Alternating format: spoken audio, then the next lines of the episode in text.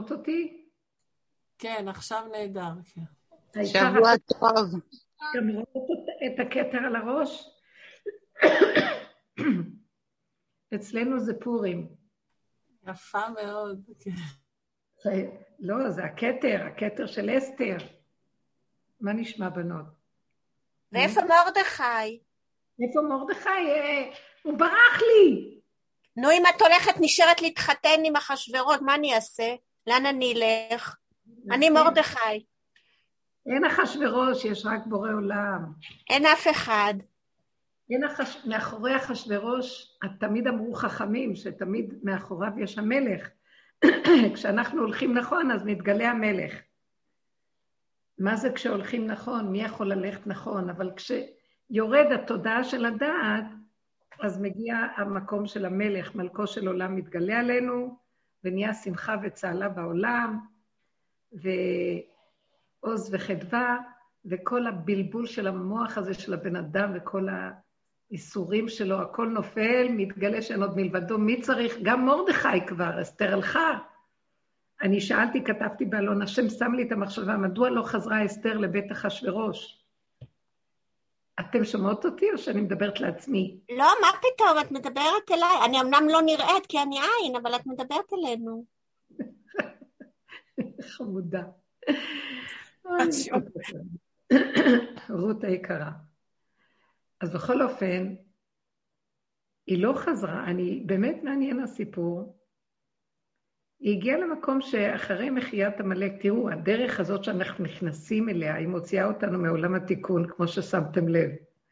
זאת אומרת, הדעת של התורה של עולם התיקון הולכת ומתמוססת לנו. הכן והלא, הטוב והרע.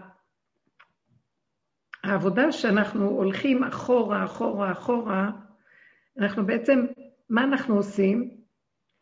אנחנו מושכים את הדעת שלנו, כי אנחנו צריכים דעת, לעבודה הזאת צריכים דעת, ואז אנחנו מושכים את הדעת ויורדים איתה למטה, לתוך המקום של הבשר. כשאנחנו מושכים את הדעת הזאת, הלוא אנחנו משתמשים בשכל, בהתבוננות, והיא, הדעת לא יכולה לסבול את החלקים הנמוכים. הדעת נשחטת שם. היא אוהבת לעוף, היא אוהבת לרחף, היא אוהבת גדלות, היא אוהבת דמיונות, היא אוהבת מחשבה שהולך לה. היא לא יכולה לסבול דוחק, מצוקה, לחץ, ועוד שמורידים אותה אחורה, אחורה. ואנחנו מתחילים לראות את עצמנו איך שאנחנו, ודווקא כשיורדים לדרך הזאת, מעניין מאוד שאנחנו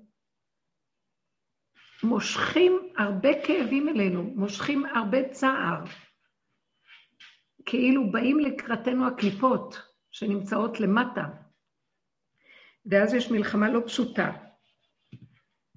ובסוף אנחנו מבינים ומבחינים שהדעת, מה שעוד נשאר ממנה אחרי כל ההשתלשלות למטה, כי היא הולכת ונמחקת, היא לא יכולה לסבול את המרחק מהאוויר, מהריחוף, יורדת לתוך הבור, החושך שלה. בין השמיים לבין הארץ יש מהלך של חושך בתוך הבשר של האדם. ואז היא נעלמת, היא מתחילה להיעלם, להיעלם, להיעלם, עד שמגיעה ליסוד הגולם. יסוד הגולם זה המהלך של מחיית הדעת. זה לא תהליך קטן, אנחנו מדברים כאילו, אנחנו בשכל מסבירים את זה, מי שעובר את זה בבשר וזה רצו ושוב של הרבה זמן, אבל באמת, הרבה אנשים חדשים שמגיעים, כבר אין להם את הכוח לעשות את העבודה הזאת, אלה שנכנסים היום בדרך. כי כבר הוא נמחה. הדעת נראית חוכה והיא תלולה, צחוק. אנחנו מסתכלים בחוץ ואנחנו לא יודעים אם לצחוק או לבכות, אבל כמובן שזה עד דלא ידע כזה, כי הדעת נופלת. מה הולך פה? אנשים חכמים או טיפשים? מה הולך בדיוק בעולם? זה המהלך שהתהליך של הסוף, מגילת אסתר מסמלת את הסוף של תודעת עץ הדת. היא עושה את מלאכת הסוף, את עבודת הסוף, את המכה בפטיש, את הסיומת הקשה, זה כמו הלידה. היא נכנסת לחושך היותר גדול של כל תקופת הגלות, ומעצימה אפילו את הגלות עוד יותר, על מנת לסיים את הכל. אז תהליך התיקון נגמר במגילת אסתר, עוד לפני, כשהיא רק נכנסת, מתחיל כבר להיגמר, כי המוח מתחיל להיכנס לבשר. תהליך עולם התיקון, אנחנו קוראים לו עולם התיקון, כי היהודים מתקנים את הקלקול של עץ הדעת על ידי התורה הקדושה, שזה כל הבירור של עבודת הבירורים של השישה סדרים.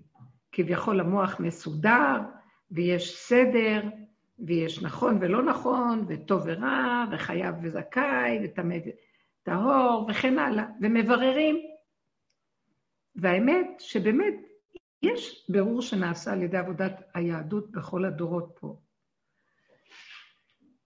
אבל באמת, זה לא נגמר, כי אנחנו נמצאים בתוך התודעה כל הזמן בעבודת הבירורים של סור מרע ועשה טוב. אנחנו עדיין בעץ הדעת טוב ורע. שהוא כולו כל הזמן הבירור של הטוב מן הרע. דבר והיפוכו. בסופו של דבר, כל הזמן אנחנו זזים מצד אל צד, ויכולים לשוב עוד פעם לצד השני, ועוד פעם ועוד פעם. אז זו סכנה מאוד גדולה. אנחנו יכולים לעשות הרבה עבודה, מה שאני שמתי לב לעצמי, ואחר כך הכל חוזר כאילו לא עשינו כלום.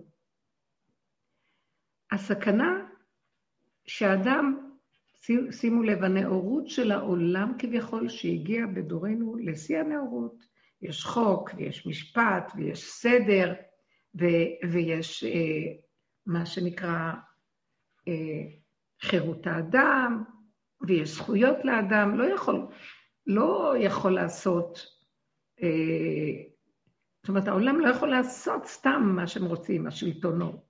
שימו לב מה קורה.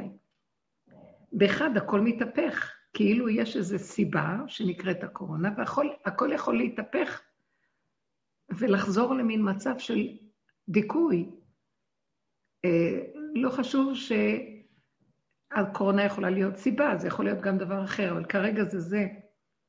בבת אחת אנחנו מול עינינו רואים איך שהכל מתהפך, ואנחנו תמהים, משתובבים למראה עינינו ולא יודעים מה לעשות, לצחוק ולבכות, והכל נראה כאילו וזו הסכנה של תודעת עץ הדת לקראת הסוף. עושים תיקונים ותיקונים ותיקונים ותיקונים ותיקונים, והלוך ושוב ורצו ושוב עוד פעם ועוד פעם ועוד פעם, ופתאום יכול להיות מצב שהנחש ייתן מין זינוק בתוך מציאות האדם ויחזיר אותו לצד הסופי שלו. כי הסכנה כאן, שאנחנו עדיין בתודעת עץ הדעת. על כן חייבת לבוא עבודה שאנחנו עושים, שהיא עבודה של, והשליחים אה, יצאו דחופים, רצים, אה, מלפני המלך להתחיל לפלס דרך למקום חדש. מהו המקום החדש? זה הדרך הזאת. מהו המקום הזה? כמו שאמרנו, לקחת את הדעת ולהכניס אותה למקום של פנימה. הבחוץ הוא רק המראה והמקל, ואני רק מתחיל להסתכל בעצמי ומצמצם את תודעת רשות הרבים של עץ הדעת טוב ורע, ורואה שבעצם הטוב הזה, שאני חושב שאני טוב, השני רע, זה בעצם אני הרע, וגם השני, אבל לא חשוב, אני גם מפרק את הטוב הזה לחלוטין על מנת שהוא לא יתהפך לי עוד פעם לרע שבחוץ. אז על מנת שלא יתהפך לטוב ורע ורע וטוב בחוץ, בראש של הדבר, אני מושכת את החוט שלו פנימה לתוכי, ואני אומרת כל הזמן, אני הרע. אני שוללת את מציאותי לחלוטין. אני שוללת את מציאות התודעה. רק על ידי שלילתה ונפילתה יכול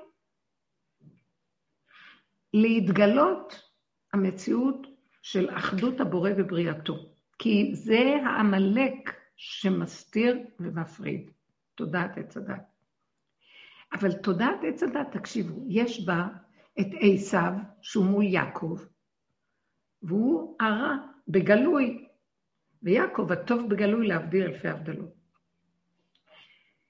עד שאסתר לא תבוא ותיכנס לתוך היסוד הפנימי ותמגר את העמלק, גם יעקב יכול להפך להיות עשב חס חלילה,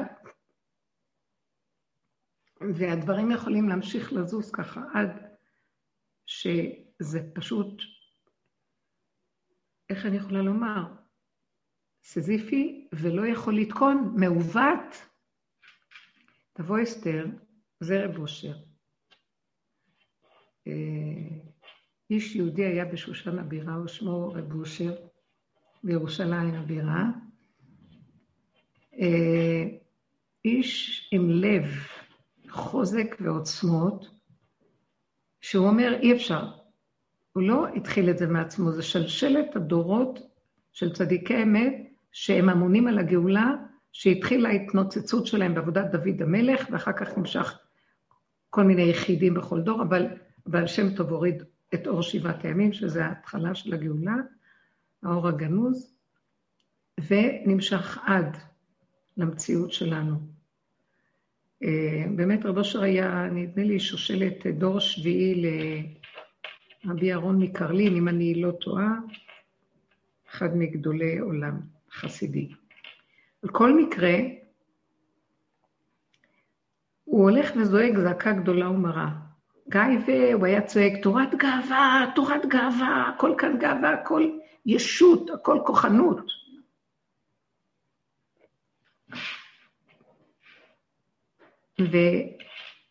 ועבודתו היא ממש כמו עבודת אסתר המלכה. נכנס בחורים ובסדקים, לפני ולפנים, להכיר את יסוד הפגם, לשרש את יסוד הגאווה עמלק. עכשיו, אם עשיו הוא רע בעץ הדעת מול הטוב, הלו שעמלק, אמרנו, אם עשיו הוא הנחש, עמלק הוא ההרס של הנחש. והוא יושב בפנים, הוא בנפש, הוא לא בחיצוניות של הגוף, הוא פנימי. אמרו חכמים שעשיו, שעמלק הוא קליפה חיצו, פנימית שמתדמה כביכול, שעולה למקום הכי גבוה, חמישים אמה, מקום מאוד גבוה, וכביכול מתדמה לאלוקות. זה השורש של עץ הדעת. וייתם כאלוקים. היסוד הפנימי הזה, שהוא כביכול, ויאמר המן בליבו. אה, המהלך, המהלך הזה, שאי אפשר למחות אותו, עוד, עוד יעקב יכול להתגבר על עשיו בעבודתו הגדולה, הקדושה. אבל היה צריך אחת כמו אסתר, אחת כמו רב אושר, שהוא היה בחינת נוקבה, ונכנס לחושך בחורים ובסדקים, לשרש את החמץ הזה המוסתר בנפש, ולהוציא ממנו את המיץ עד הסוף. זאת אומרת, לגלות את הכלום שלו. ההרס הזה מפעפע, ויש מהלך בכל הדרך שעשינו, הלוך ושוב, הלוך ושוב אחורה, אחורה, זחל הולך אחורה, נעקצנו. זה היה קשה. מה נעקץ פה? הדמיון שלנו נעקץ, מה אני כזה גרוע? ואני רואה שהעבודה הזאת, אני זוכרת, הייתה מולידה מצער לצער, ועוד אחד ועוד אחד, ועוד אחד ועוד אחד.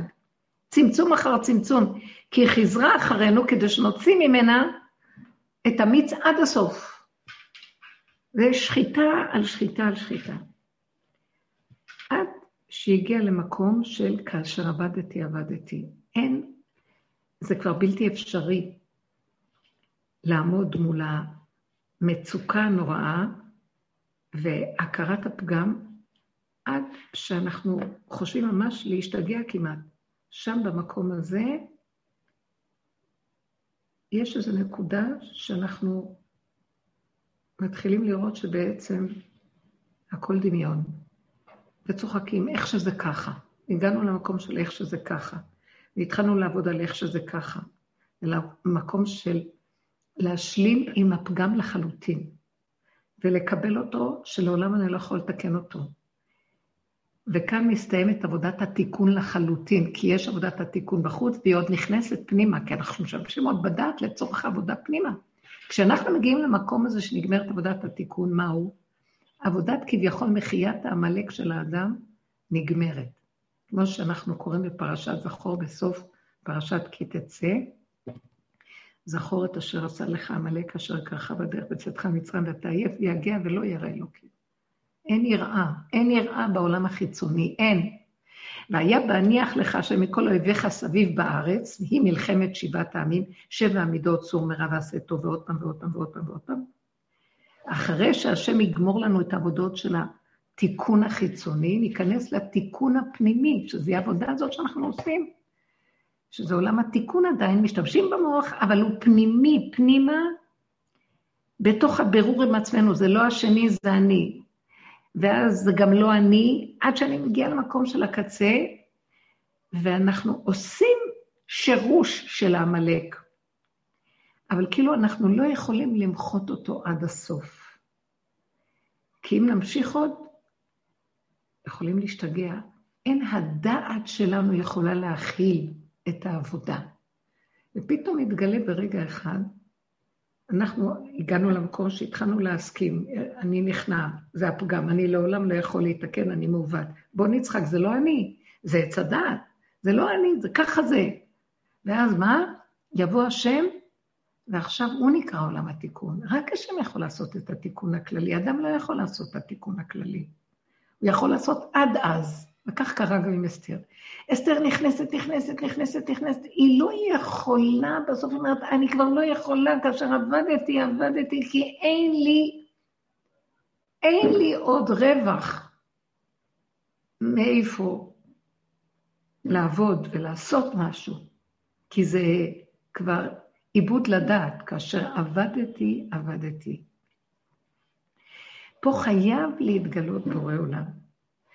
המקום שהאדם נכנס לחלוטין למיצוי כוחותיו האפשריים.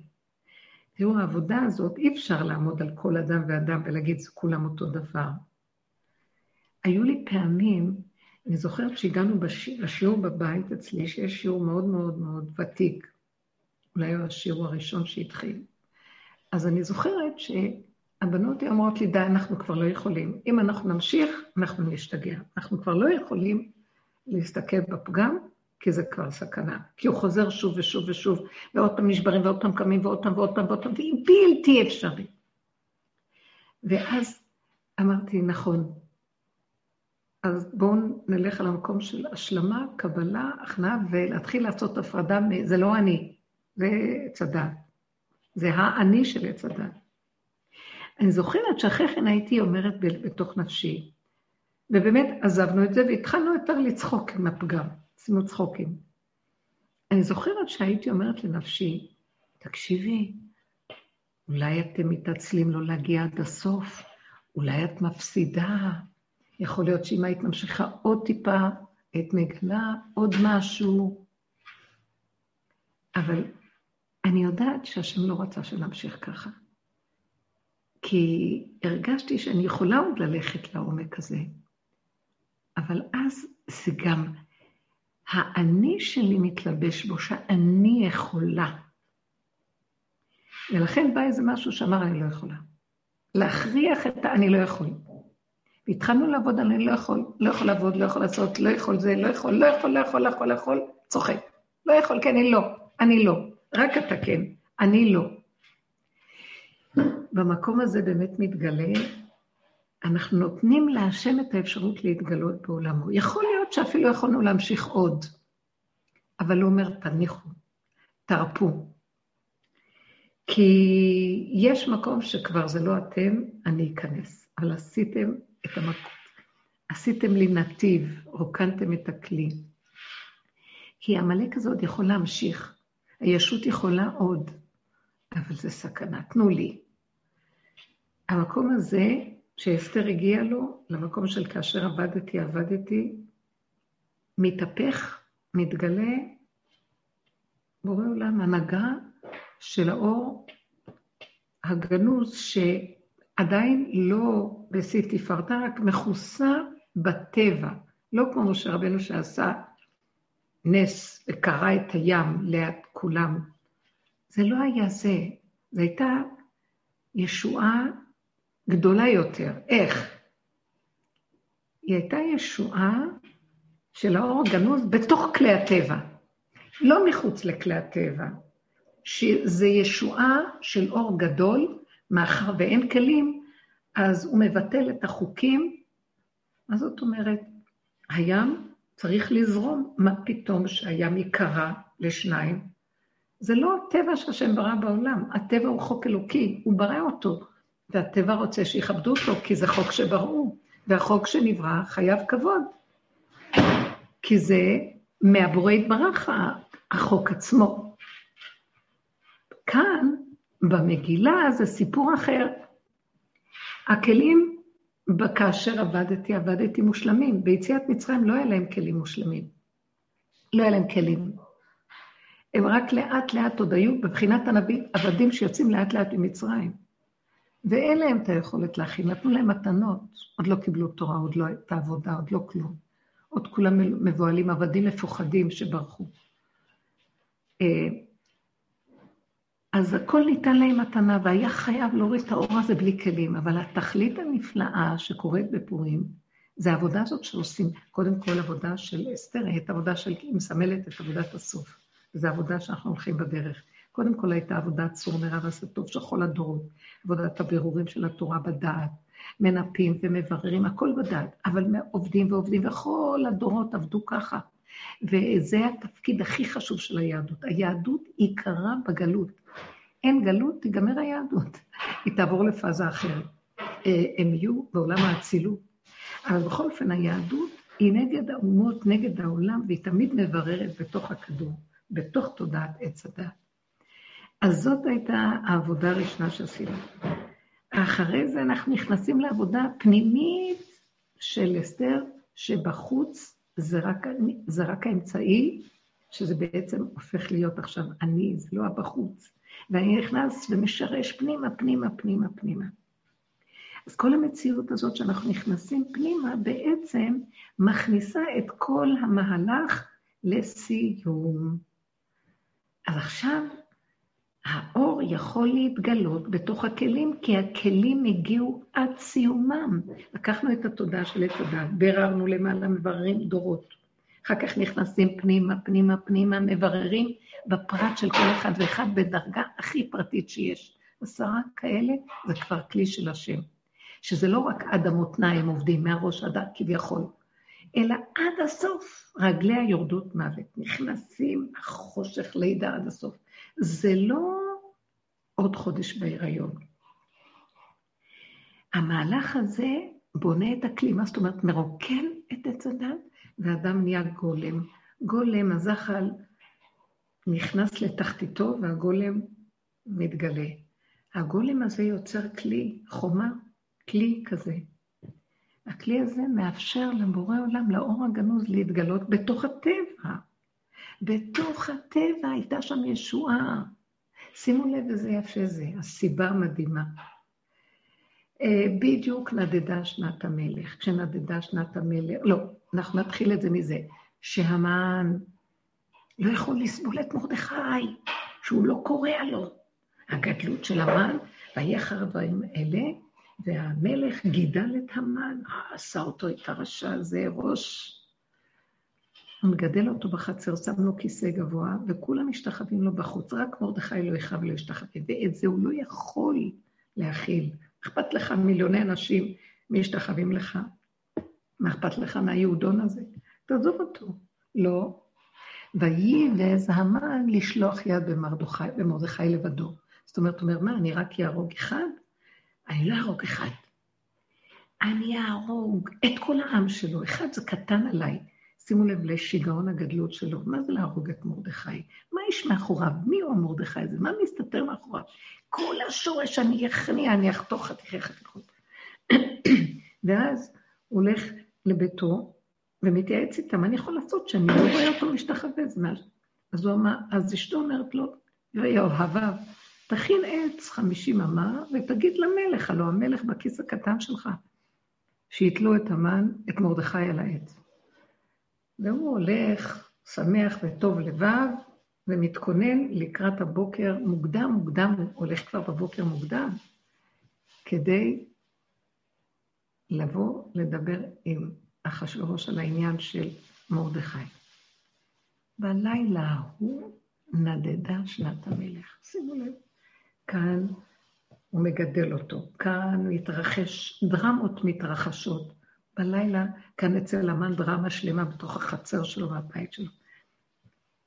בתוך כל זה, המלך נודד את שנתו ומבקש את ספר דברי הימים, מביאים לו, והוא פתאום קורא על מרדכי. שימו לב, נדדה שנת המלך. מה זה נדדה שנת המלך? מלכו של עולם. המלך כביכול ישן. המלך ישן, מה זאת אומרת המלך ישן? הרובד העליון של העולמות העליונים, של האור הגנוז, המלך, עריכת פין, הראש הנעלם, רשע דלית ידה, הוא לא קשור לפה כביכול, הוא מנותק רחוק רחוק. זאת אומרת, הוא, הוא לא ברובד שלנו. יש רובד האמצעי, ש, שאנחנו, התורה האמצעית, זה רנפין, לא, אני לא נכנסת לזה עכשיו.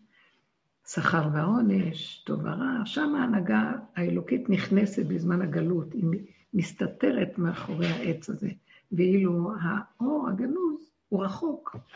פתאום נדדה השינה שלו דווקא בזמן הזה. ועולה הזיכרון של מרדכי. ואז הוא אומר, צריך לעשות לו משהו טוב, בדיוק כשזה קורה, נכנס המן, בדיוק כשנכנס המן, השם שם בליבו של המלך, גם אחשורוש, אה, לחשוב קצת חשדות על המן, הוא שם בליבו דברים. בדיוק כשזה קורה, זה קורה. היא מזמינה אותו למשתה, בדיוק כשזה בא, אז היא מתחילה לדבר. מתחילה לדבר, המלך מתרגז מהמן.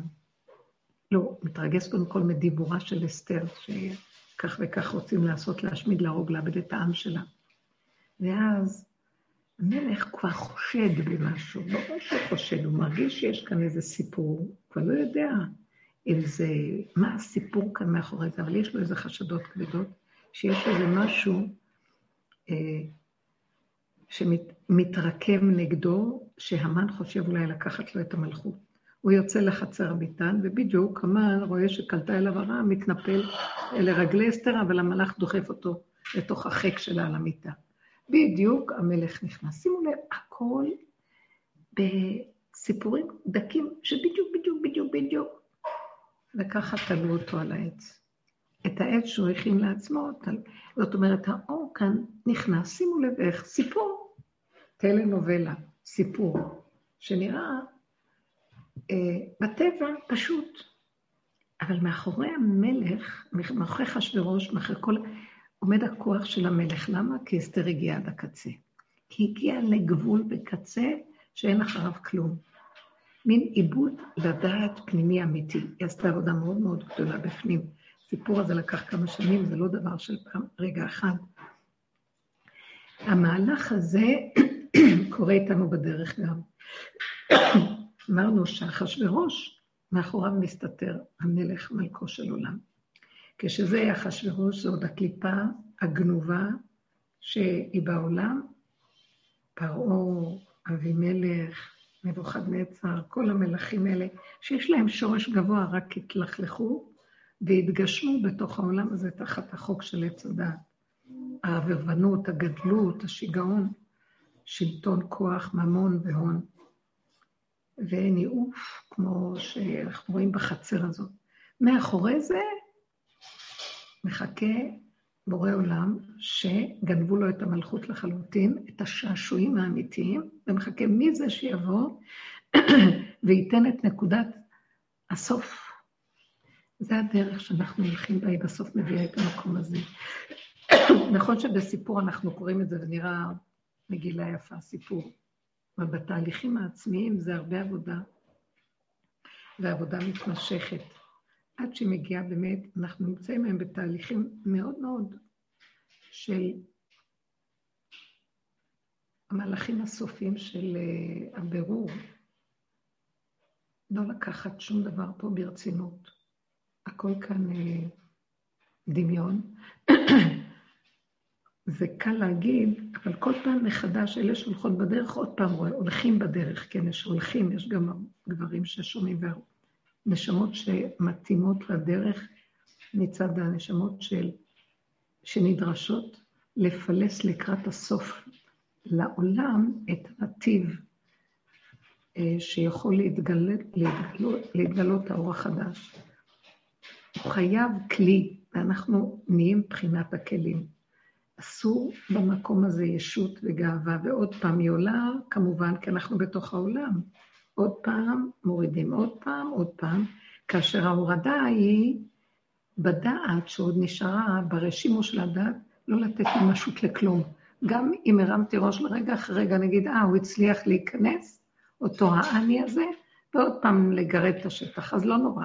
ועוד פעם ועוד פעם ועוד פעם, עד שאני עם גולם, לצחוק, ולא לתת שום ממשות לכלום.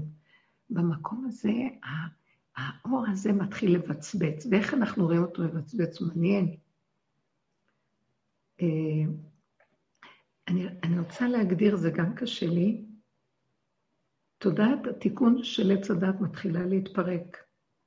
ואני כאילו, אם, אם הייתי מחוללת על שתי מחנות, כתוב בשיר השירים, פרק ז', שובי שובי השולמית, שובי שומעת תחזו בשולמית כמחולת המחניים. ולא כל כך הבנתי אף פעם מחולת המחניים, זה שתי מחנות, חוללת על שתי מחנות.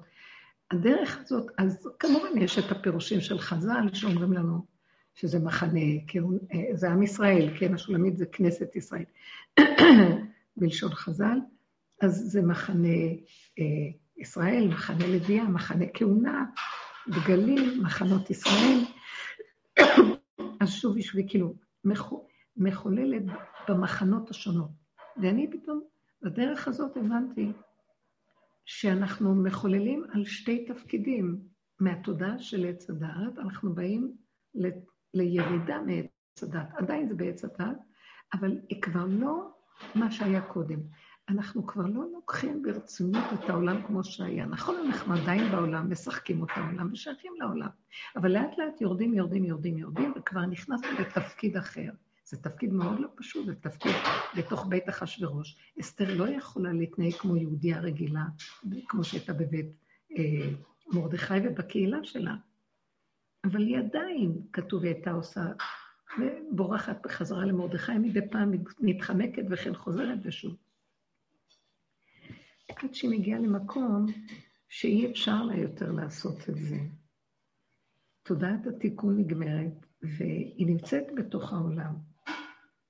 אז מוכרח להיות שם משהו, כי המוח, ש... מה קורה? תודעת עץ הדעת בעולם התיקון שייך לדעת. ואילו פה נעלמת הדעת, מתחילה להתמוסס ונשאר הגולם בתוך בשרו. אז מתגלה משהו אחר, זה לא המוח יודע מצוות, תורה, פרשה, הלכה. אנחנו כן יודעים, יש רשימו שיודע, אבל אנחנו מגיעים עם המוח הגדול הזה שהיה במוח, מורידים אותו, נשארנו ביחידה, בספיחים האחרונים שלו, הוא לא כמו שהוא היה במוח. החוויה של ההלכה משתנה. היא הופכת להיות כאן ועכשיו לפי הכלי שלי בזמן, ברגע הזה, איך שנצרך לי. והיא שונה מהמוח, כמו שהייתי שומרת אותה במוח, שהייתי יודעת, ואז אני מביאה את הרגליים למוח, ואז אני יודעת מה לעשות, כאשר בעצם המוח שלי הוא משליט אותי על הדבר, וככה אני עושה פעולה. דרך המוח שולט בעשייה. ואילו כאן הבשר עושה, ובתוך, מעניין, בתוך הבשר עצמו מתבצרת לה איזו ידיעה פנימית של מה שצריך לעשות. והיא מאוד עדינה ומתאימה. זאת אומרת, אותה הלכה, ששם כולם צריכים לעשות לפי הספר והכללים במוח, פה היא לפי הרגע שלי, הכלי שלי, הזמן שלי, ואיך שהכלי שלי יכול לסדר אותה. היא לא בדיוק אותו דבר כמו כולם. ואם אני אגיד אותה, אני עושה עוול לשני, כי אז השני יחכה אותי, וזה לא זה, כי זה התורה שבעל פה באמת, שכל אחד הוא אחר, הוא מקיים אותה בצורה אחרת ממה שבאמת, איך שזה כתוב. אבל אותו עיקרון אכן מתקיים בה, מתקיים העיקרון של ההלכה, אבל הוא שונה. זאת אומרת, זה הלכה אני מדברת, אבל גם הלכה מבחינת הנהגה שמתהלכים בעולם. כל מיני פעולות בעולם, שבדרך טבע אני חושבת, רגע, אם אני רוצה לעשות כך וכך, אז אני צריכה לעשות זה וזה וזה וזה. אחד ועוד אחד שווה, והתוצאה זה וזה לפי המוח. אני רואה שהמוח הזה מתמוסס לי, ויותר ויותר אני חיה כאן ועכשיו, ולא מתכננת, ולא יודעת מה, אבל יש רגע שפתאום אני לא יודעת מה לעשות, ואני צריכה, אני צריכה איזו תוכנית, אני צריכה לעשות משהו, כי אני נתקעת. אני רואה שם שמגיע משהו שמסדר את זה, אם אני טיפ-טיפה סבלנית ולא רצה למוח. זה דבר מעניין מאוד. אני יושבת במקום, ואני אומרת, טוב, אני עכשיו לא יודעת מה לעשות. אני אפילו לא מתחילה להתפלל, השם, תעזור לי. זה תפילות של הדעת. זה מין מקום כזה שלא יודע, והגולם אין לו כוח אפילו להרים את הראש, להתחיל להתחנן. הוא בתוך האין אונים, והמקום של האין אונים הוא מאוד חשוב. מה פירוש אין אונים?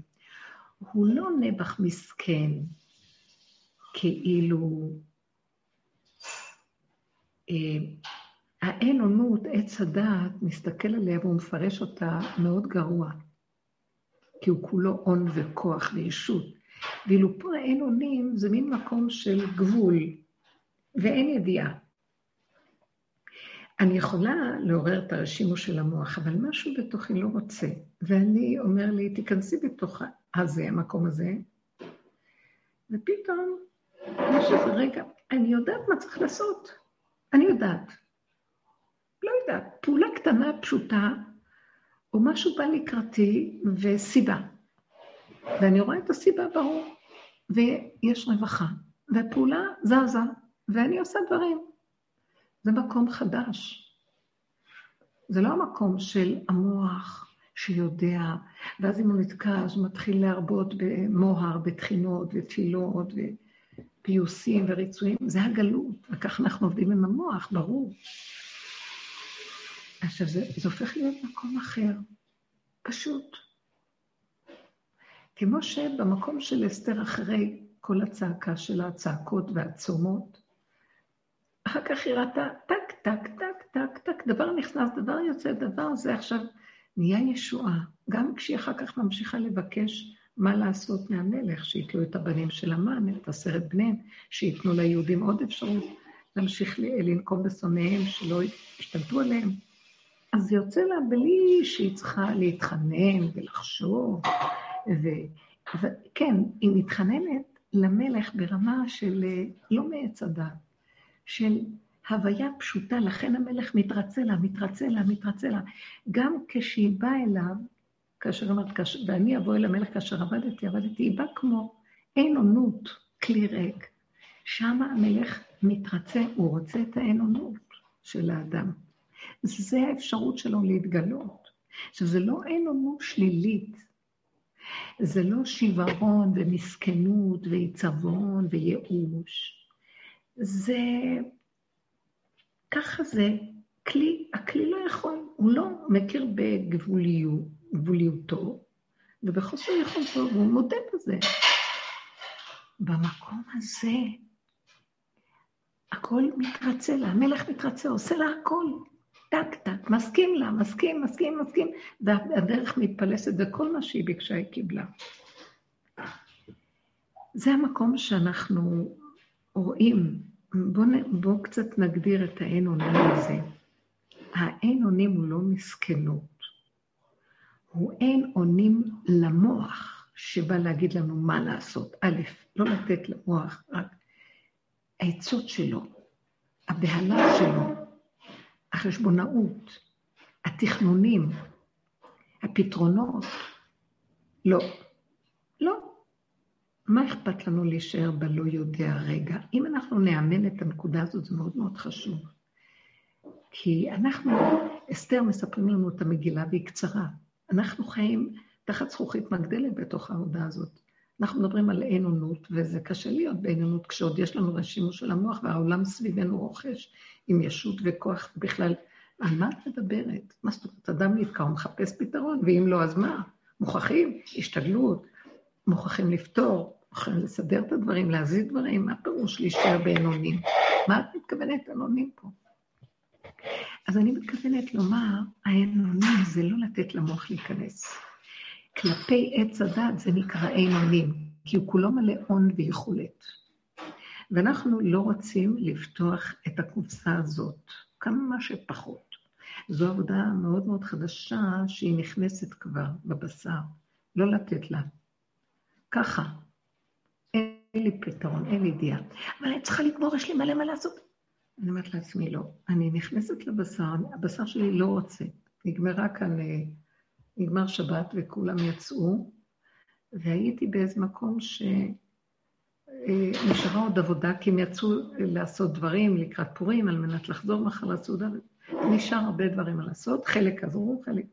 אז אמרתי לעצמי, טוב, הושטתי יד והתחלתי לעשות מה שאני צריכה. אחרי כמה זמן אמרתי, יואו, יש עוד כל כך הרבה, יש את זה לעשות ואת זה ואת זה אני צריכה לסדר דברים, סעודה גדולה, עניינים. ולרגע ראיתי שאני נלחצת, ותקשיבו, אני רואה איפה שהוא נמצא, השתבח שמולד, ממש, הוא חי וקיים, זה כבר לא שם בשמיים. אמרתי לעצמי, לא, אני מתחילה להיכנס לחשבונאות, ולחץ, לא. לא, לא, לא. עשיתי לי קפה, ישבתי, וקראתי איזה משהו קטן, וזהו, ואמרתי, אני יודעת שזה יסתדר. אמרתי לעצמי, הגולם שלי אומר, אני יודעת שזה יסתדר, אני לא רוצה לדחוק את עצמי בכוח, כי אני יודעת מה זה לסגור, לעשות, לא לשים לב, ולהכניס את עצמי לקצב. לא, לא, לא רוצה. לא חשוב. אני, עוד אין לי ישועה, מה שאומרים, עוד אין לי מה להגיד לכם, אבל אני יודעת שזו הייתה הפעולה הכי נכונה, לשבת. ונהניתי מהישיבה, נהניתי, קראתי משהו, נהניתי בפשטות, נהניתי להסתכל, ויש לי איזו ידיעה בתוך הנפש שתמיד הכול מסתדר. הלא הסעודה תהיה סעודה, ואנשים יבואו, ו... למה אני לא רוצה להיות בלחץ בשום אופן, אני לא רוצה לחשוב על כלום, אני רוצה להיות ממוקדת בכאן ועכשיו, אני רוצה להישאר בגולמיות הפשוטה וליהנות מכאן ועכשיו, בכל פעולה של כאן ועכשיו, בלי לחשוב, בלי להרגיש, בלי להזיז. אני לא מזיזה. זה יזוז לבד. משהו צריך לקרות שזה יזוז, ברור לי, אני יודעת את זה, וככה כל החיים. הלוא במילא, כל מה שאנחנו עושים, זה לא אנחנו עושים, רק נדמה לנו שזה אנחנו. מה עושה לנו את הדמיון שזה אנחנו? הלחץ, המתח, החרדה, הדאגה. האדרנלין, אנחנו משתמשים בו להפעיל את הישות, וזה נותן לנו דמיון, כוח ותחושה שאנחנו בעצם אלה שפועלים פה ועושים את הכול. וזה הטעות, ואת זה אנחנו צריכים למחוק. האדרנלין, השם יצר אותו, והוא טוב. כל דבר שהשם עשה בעולמו הוא חשוב, אבל הגניבה שלו לכיוון למעלה, במקום להכניס אותו לבשר ולהזרים אותו ברמה הנכונה בתוך הגוף, אז זה הטעות. אנחנו משתמשים בו מעל ומעבר, וזה מה שנקרא אוכלי, לפי התהילים, אוכלי לחם העצבים, שאנחנו בעצם אנשים שרוכבים על העצבים שלנו, זאת אומרת, אנחנו, העצבים מתוחים ואנחנו משתמשים ביתר אברמל בתרבות שלנו. חייבים כמו משוגעים לרוץ כל הזמן. וזה המקום שאנחנו לוקחים את המוט, מזיזים אותו אחורה. לאט לאט, עד שמגיעים למקום של הגולם, ואני אומרת לעצמי, או, עוד פעם אדרנל רוצה לרוץ? לא. עכשיו, תראו איזה יופי מה שהעבודה הזאת מביאה אותנו למקום של כבר... את, הוא קיים, הרשימו שהוא רוצה לרוץ קיים, כי יש המון מה לעשות. באים הרבה אנשים. אה, תקשיבו, יש לי גדלות בטבע. והגדלות הזאת, השם ברא לי אותה, אבל כל הדורות האדרנל גנב אותה. ועכשיו אני אומרת לעצמי, הגדלות שלו, הוא יסדר את הכל, הכל בסדר, זה לא שלך. אז אל תריצי את זה משם. לא משם הפעולות יעשו. וזה דבר טוב. המקום של הדעת, הלוא עכשיו כל מחיית העולה, כל הסוף של העבודה הזאת, פורים זה שיא המחייה. זה בדיוק לא לתת למוח הזה לגנוב. הגברים מצווים לשתות כדי להגיע למצב של עד דלא ידע, כי הם שולטים בדעת, כי הדעת מוליכה אותם כל הזמן. הדעת. הגברים שייכים מאוד בעניין של הדעת. ועל פי הדין הם מצווים אה, לשתות על מנת לשחרר ולחוות מה זה שאין שליטה של המוח. אנחנו בדרך עובדים, כל הזמן אנחנו עובדים עם לפרק, לפרק, לפרק, והשליטה מתמוססת, האדרנל מתחיל להיכנס ברמה הנכונה לתוך הבשר. זה של בורא, הוא יפעיל אותו מכיוון אחר. לא קשור שאנחנו נתחיל להריץ אותו ולדחוק אותו. מי זה אנחנו? הישות, הדמיון של האני שגונב ומשתמש בכוחות הטבע שזורמים בנו, שהשם זוכר כדי לגנוב את נפשנו.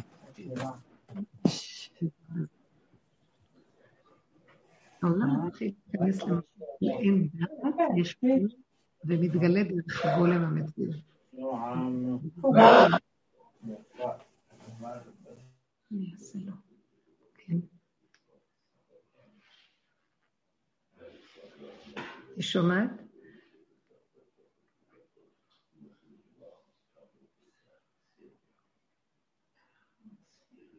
אתן רוצות לשאול משהו?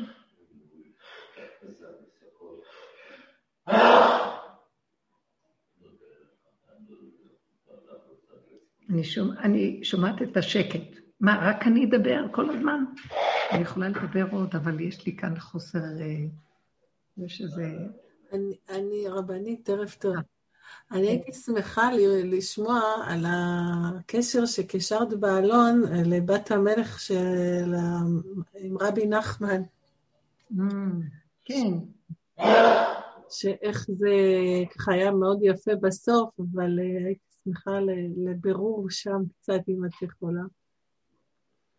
אה, אני, אולי אם אני זוכרת נכון, התמקדתי במהלך הזה שהגאולה, היציאה מתודעת עץ הדעת. עץ הדעת זה גדלות, זה חשיבות, זה עונות, כוח, ישות. אה, הגאולה חייבת לבוא ממקום הפוך, איפה שאין כוח, אין שכל, אין דעת. אה, עץ הדעת, השורש שלו בדעת עליונה מאוד מאוד מאוד מאוד גבוהה. זה נקרא דעת אה, עליונה רשע דלית ידה, זה הראש הלא יודע, מרוב דעת הוא לא יודע, שתכלית הידיעה שלו נדע. ועץ הדעת, הנחש גנב את המקום הזה, התלבש בו הסמ"ם, והוא גנב את המקום של הדעת, ואז היא הייתה קליפת הדעת. המקום הגבוה כביכול הדעת התנתקה מהדעת של עץ הדעת, וכאן מה שמוליך אותה זה קליפת הדעת, זה גדלות וחשיבה. מעניין מאוד. הדרך היחידה למגר את הדעת באמת באמת עד הסוף, זה לא לדעת. עכשיו, זה מאוד קשה לבן אדם שיש לו דעת, לא לדעת. יש פסוק בתהילים שכתוב, ערומים בדעת ומצימים עצמם כבהמה. אלו ראיתי בני עלייה והם המועטים, שממעטים את עצמם. אלה שהם, יש להם הרבה דעת. מיכה, דופקים בדלת, אתה יכול לפתוח בבקשה? אה, הנה היא פתחה. שממעטים את עצמם, זאת אומרת, הם, יש להם דעת, והם לוקחים אותה ומפרקים אותה כמו שאנחנו עושים בדרך, למטה, למטה, למטה, למטה, עד הקצה, עד הגבול. מה הסיבה שהם מפרקים אותה עד הגבול למטה? כדי להגיע לקטנות. אה, מי זאת? עינב? היי, שלום, תגבוהי, תכנסי. שהיא מגיעה עד למטה למטה בקטנות, שזה ילדה קטנה בסוף, ילד קטן. הקטנות, החשיבות של כלום, אין שום דבר. המקום הזה, זה הבת. הבת הקטנה הזאת, היא זאת שיכולה להביא את הגאולה. מאיפה תבוא הגאולה? למה? כי אין לה דעת, היא הורידה את הדעת. היא תביא את הגאולה מהמקום של הרשע דלא התיידה. האבא, היא באה אליי. כן, כן, כן, זה בסדר, זה בסדר. כן, כן. הרשע, כן, כן, כן, כן, כן. הרשע דלית ידע, ששם זה כאילו האבא, היסוד הגבוה של האבא, הגבוה הזה. הדת העליונה, שזה מקור החוכמה, זה האור הראשוני לפני שהתלכלך פה וירד למטה. הדעת. אז הילדה הקטנה הזאת, בואו נראה עכשיו כמה מקומות בתורה, בתורה לא, לא מרומז, המשיח לא מדברים עליו בגלוי בתורה, כי זה תורת התיקון, היא לא קשורה למשיח. היא תודעת עץ הדעת, ותודעת עץ הדעת היא לא שייכת למשיח. היא תודעת התיקון של עם ישראל בגלות, מבחינת המקסימום של עם ישראל בגלות, זה יכול להיות אה, משנה למלך.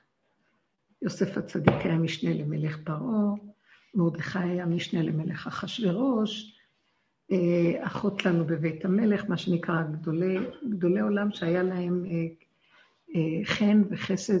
הרמב"ם היה בחצר המלך, חכמי ישראל, הרב יונתן אייפשיץ מאוד אהבו אותו בחצר המלך, היה חכם גדול. וכן הלאה. אז החכמים האלה, בחינת רק משנה למלך. כאשר אחשוורוש הוא המלך בגלות, הקליפה שולטת. כאן,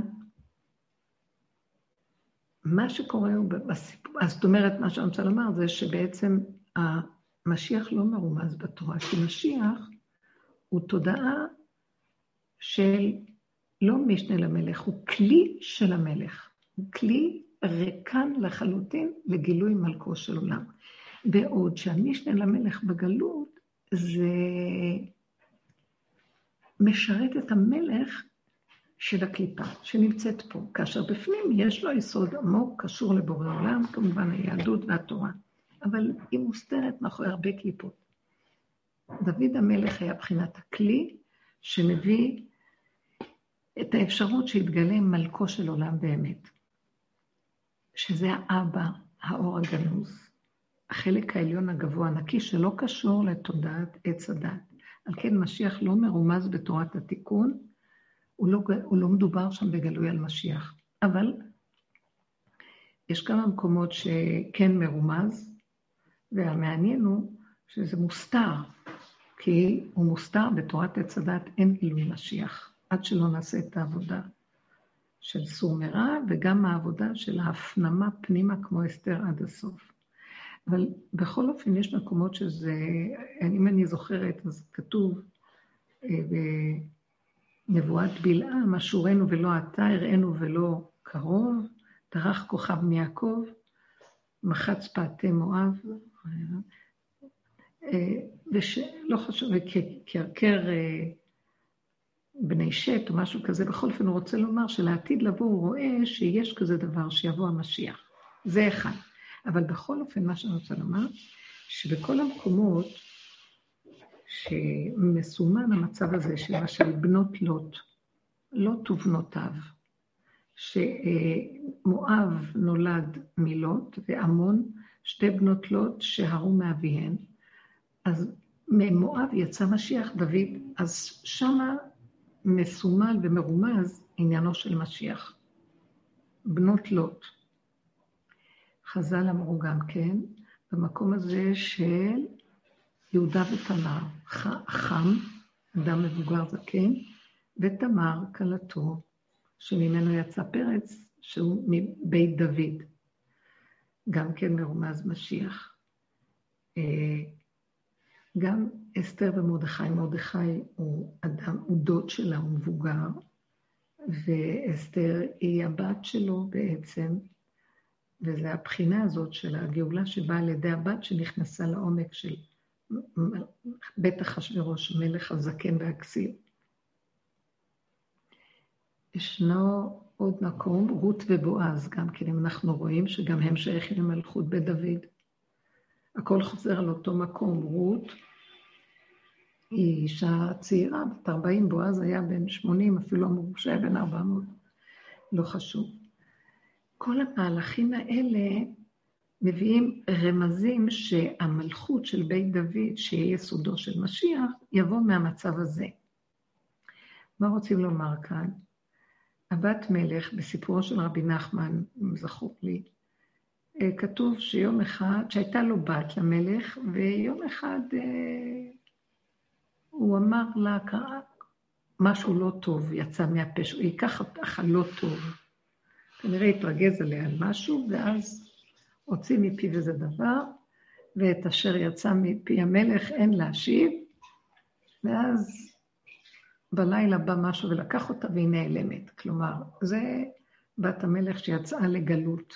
המשנה למלך מחפש אותה, מבחינת עם ישראל מחפש, מחפש, מחפש, מחפש, מחפש.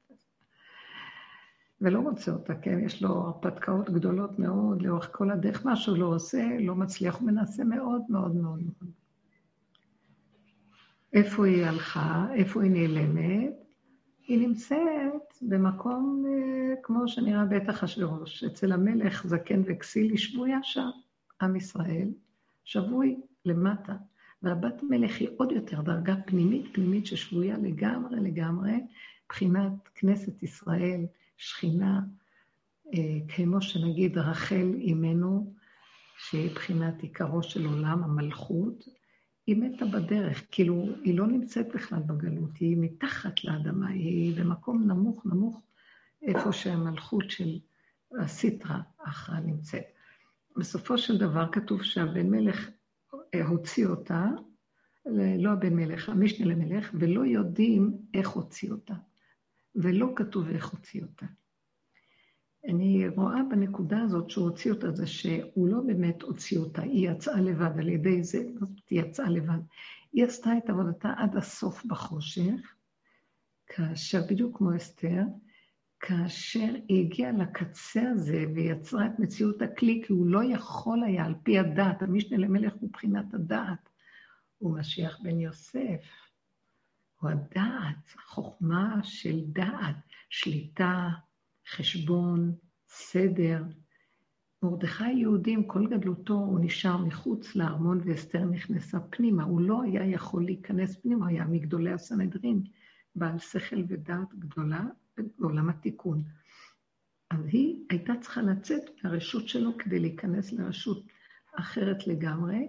אי אפשר שהעבודה הזאת תיעשה בתוך תודעת עץ הדת. לכן, אם מדמה הסיפור של אסתר, יש בו סממנים אה, ששייכים גם לסיפור של רבי נחמן, שהבת מלך היא איננה, היא שבויה בעצם באיזה ארמון רחוק רחוק, ואיך מחזירים אותה? אי אפשר להחזיר אותה, היא בעצמה תחזיר את עצמה, אבל גם היא לא יכולה להחזיר את עצמה, רק על ידי שהיא נמצאת בחושך של החושך עד הסוף, משלימה ומקבלת, ומגיעה לקצה שאין קצה אחריו. כאשר עבדתי, עבדתי, מתגלה איזה אור שבסוף מוציא אותה. היא מתגלה, יש גילוי. ואז יכול המשנה למלך להצטרף ולהביא אותה. אבל באמת לא הוא זה שמגלה אותה. כי כתוב בסיפור, והוציאה ולא כתוב איך הוציאה. בסוף הוא הוציא אותה, לא כתוב איך. זאת אומרת שהיא לא יוצאת מטעם זה שהוא עושה כך וכך וזה וזה שווה זה וזה, אלא היא יוצאת מטעם זה שהיא לגמרי נמוגה וקלה ונפסדת ונעלמת לתוך מציאות של האין עונות, אין דעת, אין יכולת, אין כלום. העובדה שהמשנה למלך הוא מסומל בדעת, דעת מסמלת אותו, וזה עם ישראל. אה, הוא שתה הרבה הרבה יין, יש איזה קטע ששותה יין ונעשה שיכור ולגמרי לא יודע איפה. זאת אומרת, זו התחלה של המקום שמאפשר גם שסוף סוף היא יכולה להתגלות באיזושהי צורה, כי אין דעת. כי אי אפשר למצוא את הגאולה בדעת. אי אפשר למצוא את הבורא עולם בדעת של עץ הדעת. אי אפשר למצוא את הישועה שם, אי אפשר. נועלנו מלמצוא את הפתח. אנחנו מסתובבים לכאן ולכאן ולשם ולפה, ועושים המון דברים ראשון, ולא, והשם מנסה כל פעם לטלטל אותנו, אם אתם שמים לב מה שקורה עם הקורונה. והרבה היגיון, ההיגיון הולך ונסגר, ולא ברור, ודברים לא ברורים. ומזיזים לנו את היהדות של מה שהיה בתקופה הראשונה של הקורונה, שבתי כנסיות נסגרים וישיבות מתגבקות, ואנחנו מבוהלים עד עד מוות. מפחדים שהמסגרות הרגילות והמבנה הרגיל שאנחנו רגילים לו במוח יתמוסס לנו, ואז אנחנו אה, בסכנה, מפחדים. המשנה למלך רגיל לשליטה, לסדר, למשמעת, מבורר. הוא לא יכול להיכנס בתוהו ובוהו הזה. מבלבל אותו, מפחיד אותו, כי כל התיקון של עץ הדעת, כולו זה סדר, שישה סדרים, ופתאום אין סדר. זה משגע אותו. על כן, דווקא מעידה לתוך זה שהוא לא יכול רק לא לשתות, כמו שאנחנו רואים עד דלא ידע בפורים, שאנחנו שותים, שנאבד את הדעת הזאת, כי לא יכולה להיות גאולה, שפורים זה הגאולה, הסימן, זה, זה הסימנו מחיית עמלק, וגילוי האור, מאליו נעשית ישועה, שהיא לא נראית סבירה על פי שכל. שהכל מדויק בסיבות, בדיוק פה, בדיוק שם, בדיוק כאן, בדיוק זה, ומאליו בתוך הטבע נעשית ישועה. זה לא כמו שאמרנו, שיבוא איזה ניסים עליוניים, הכל פשוט בתוך הטבע, מעלה יותר גבוהה מאשר הנס של משה רבנו בקריאת ים סוף. זה מהלך מאוד מאוד נפלא גם במכות מצרים וכל השאר, כי זה לא היה בטבע בכלל, כאן זה בתוך הטבע, גילוי השם, זה מה שהוא רצה. הוא ברא עולמו, ברא בריאה של טבע, בריאה עם חוקיות מדהימה, נקייה, זכה, אה, עם דעת עליונה חכמה. בא עץ הדת, פירק את המהלך הזה ועשה שבירה בבריאה.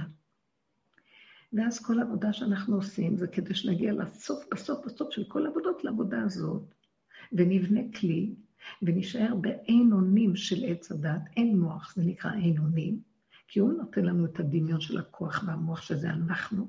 בעצם זה תמיד הכל השם, רק לנו בעץ הדת נדמה שזה אנחנו. והכל זז, ואז כל חפצו של השם להתגלות בעולמו החוקי הטבעי שהוא ברא, כי יתברך, התאווה שתהיה לו דירה בתחתונים, והוא ברא את העולם לכבודו, אז הוא רוצה להתגלות בו. והחוק של הטבע יכול להכיל אותו, רק לא עץ הדת. עץ הדת חוצץ באמצע ומפריע לחוק, לאלוקות להתגלת בחוק.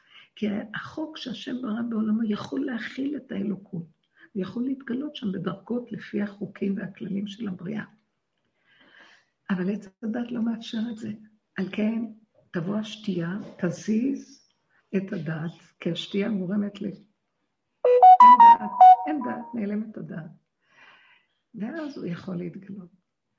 אז uh, אותו דבר קורה גם למשנה למלך בסיפור של הבת מלך, והוא מאבד ולא יודע, ודווקא בגלל שהוא הלך לאיבוד ולא יודע, מתאפשר שהבת מלך תגיע לגבול של הקצה של הקצה של הקצה, שאין לה שום ישועה מכלום, וכאשר עבדתי, עבדתי, והיא הופכת להיות כלי מוכנע לחלוטין, הכנעה שאין אחריה כלום. בהמות הייתי עמך, ומשם מתגלה אור שמוציא אותה,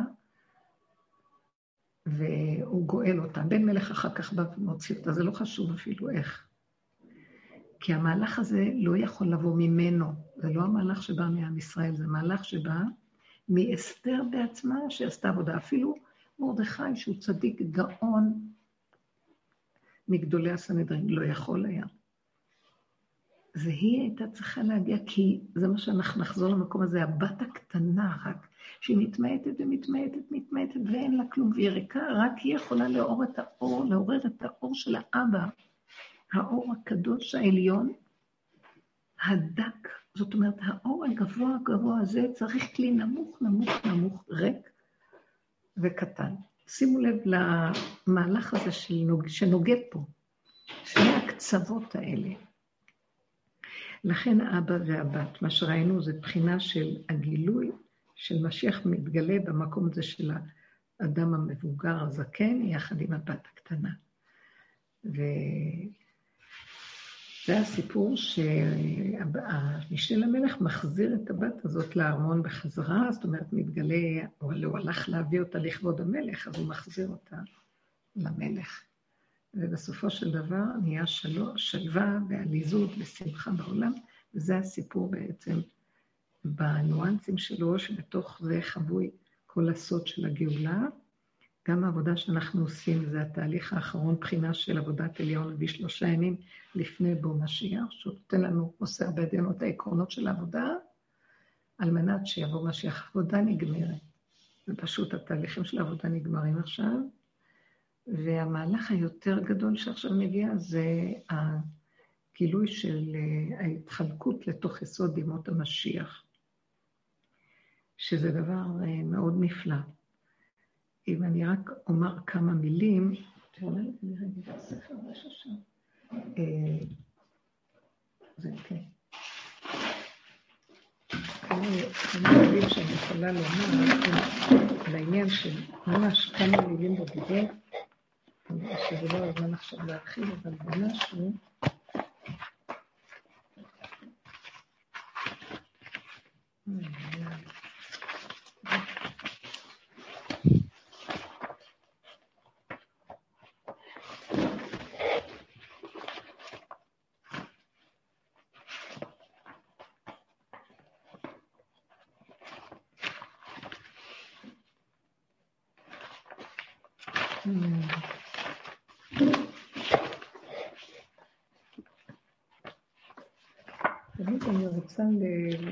הוא לא מאפשר לי להסתכל בספרים יותר, אל תחשבו, אני צריך כל פעם להוציא ולראות, והוא מעלים לי.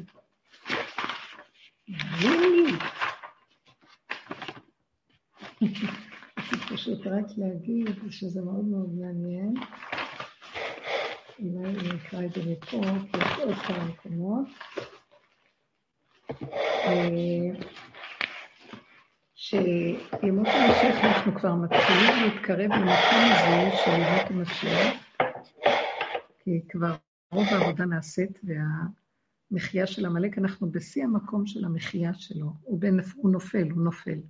הכוח הזה של עמלק נופל, הכוח של הדת נופל, העולם כבר נראה, אה, הדת כבר, היא מתגלה שהיא שטות אחת גדולה, הכסילות שלה מתגלה, כבר אנחנו לא יכולים לקחת אותה ברצינות, העולם נראה משונה. בכל אופן, אנחנו יכולים לומר ככה, ש...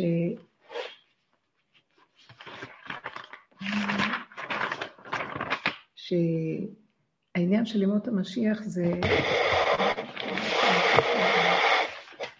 העניין של ימות המשיח שאומר כאן,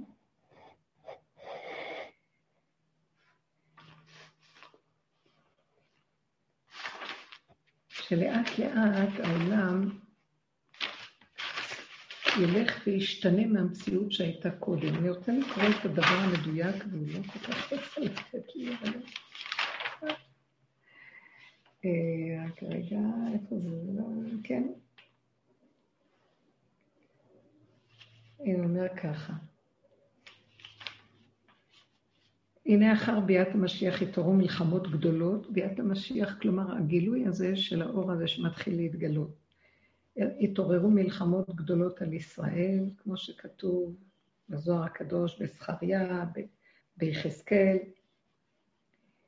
ואחרי שיטול השם את נקמתו מהם, אז ישבו ישראל בטח בארצם בטובה גדולה, ויתרבה הדת והחוכמה והטהרה והקדושה הרבה מאוד. ותהלוכת העולם בכל ענייני הגשמיים יהיה רק על דבר כמו שהוא עכשיו.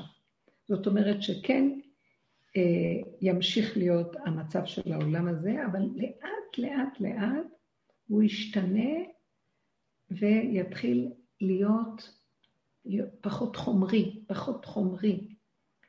אה, כמו שאמרו חז"ל, אין בין העולם הזה לימות המשיח, רק שיעבוד מלכויות. זאת אומרת שאז יתקיימו משפטי התורה וכל המצוות וההלכות, יהיה הכל נעשים כמו שעושים עתה. אבל במקום אחר זה, בצורה אחרת. הכל יהפך להיות במצב שהוא פחות פחות חומרי.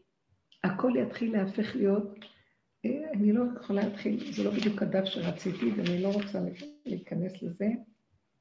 אם אתן רוצות אני אגיד. כמו שכתוב, וקיבצתי אתכם, אז יתחיל להיות קיבוץ הגלויות הגדול, מה שעכשיו הוא כבר קיים.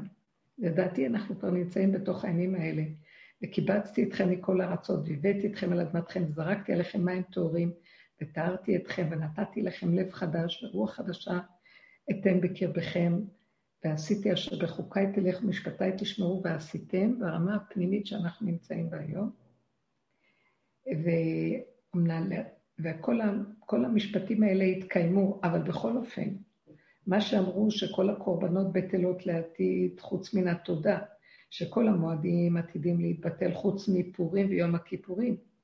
אז זה כתוב שזה אחרי 40 שנה לקיבוץ גלויות. זאת אומרת שכשאנחנו כבר, אנחנו יושבים, לדעתי קיבוץ הגלויות הגדול כבר נעשה, יכול להיות שיש עוד קצת קיבוץ שיעשה, אבל רוב ישראל נמצאים היום על אדמתם.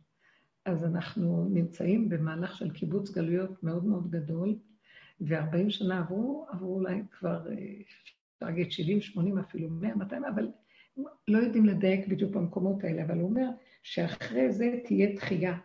תחייה שהצדיקים, זאת אומרת שאנשים יתחילו להבין מעצמם שהם לא רוצים להישאר תחת העול של שיעבוד מלכויות, שזה תודעת עץ הדת, אלא הם ירצו לעבוד את השם ברמה של אספקלריה, בלי דמיון, לא בדמיון, אני אגיד במילים שלי. ואז יהיה שינוי גדול בכל העולם כולו. אה, טוב, כי עכשיו אנחנו נמצאים במקום של טמא טהור וקדוש. קו האמצע הוא הקדוש. וגם הטהור שזה עכשיו זה רק חול וחולין, זה לא ממש קדוש, אין בו קדושה כלל, אבל אז לבד, שיתבטל כל הטומאה והזוהמה, אז הכל יהיה על טהרת הקודש, כל המציאות תהיה על טהרת הקודש. כלומר, אני יכולה לפרש שאיך תתבטל, הדעת ש... שגורמת להגיד טמא, טהור, מותר, אסור, היא תתבטל. ואז הכל ייראה איכשהו ככה נקי, וזה נקרא קודש, באשר הוא נקי, בלי תודעת עץ הדת שכל הזמן מסדרת טמא, טהור, מותר, אסור, כאשר פסול. ואז יתגלה שהרבה דברים שהם, אה, כל האיסורים עתידים להתבטל, גם הקורבנות יבטלו, כי לא יצטרכו לתת קורבן, כי הקורבן הוא בא לכפר על הנפש, אבל אז כבר לא יצטרכו, אנשים לא ירצו לעשות עבירות, כי לא יהיה משיכה לכל הדבר והיפוכו. ואז הכל לאט לאט יתבטל וכן הלאה, וזה מה שאני לא רוצה עכשיו להיכנס בו יותר מדי. מדבר כאן, אבל אני לא מצאתי את הדף שרציתי, אבל לא נורא, אם כן, אנחנו לא נגיד זה. הסיפור הזה, אני לא יודעת איפה רציתי להשוויץ, השם לא נותן לי בשום אופן, אז לכן אני מניח לזה עכשיו, וזהו. אז אנחנו רק נגיד את המקום,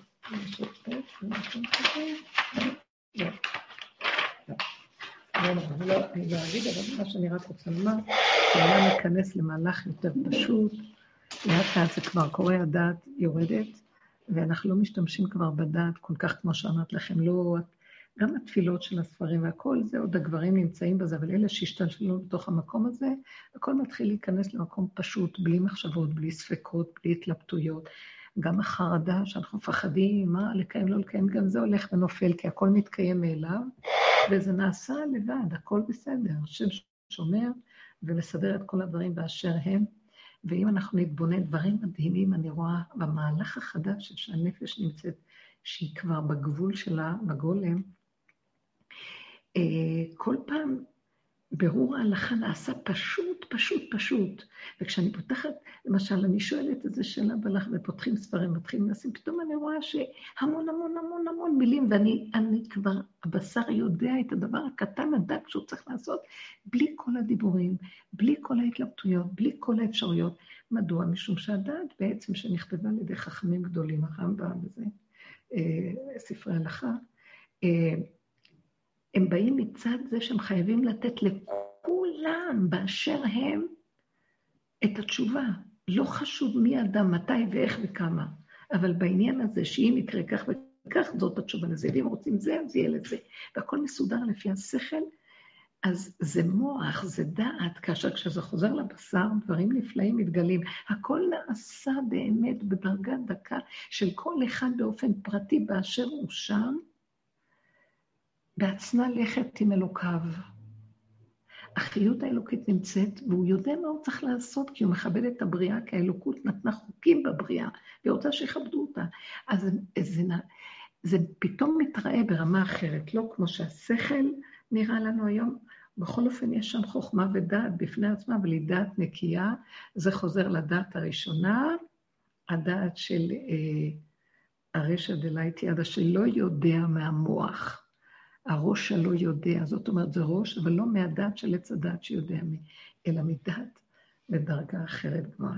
וזה הנהפוך הוא של פורים, שהכל מתהפך, עד דלא ידע של עץ הדעת, ועלילת דברים מתגלה כולה כמשחק ושעשועים של בורא עולם בין ארור המן לברוך מרדכי. אין הדעת של עץ הדעת סובלת את הדבר הזה, ואפילו כל האיסורים והכאבים שעברנו בכל הדורות, פתאום מתגלה כל הצחוק שבהם, ואיך לקחנו את הכל ברצינות, ואיך סבלנו מותרות על גבי מותרות, ולא יכולנו אחרת, כי ככה זה החוק של עץ הדעת, ואנחנו כולנו תפילה באמת מבשרי, שיגמרו הימים האלה של הדעת, עץ הדעת,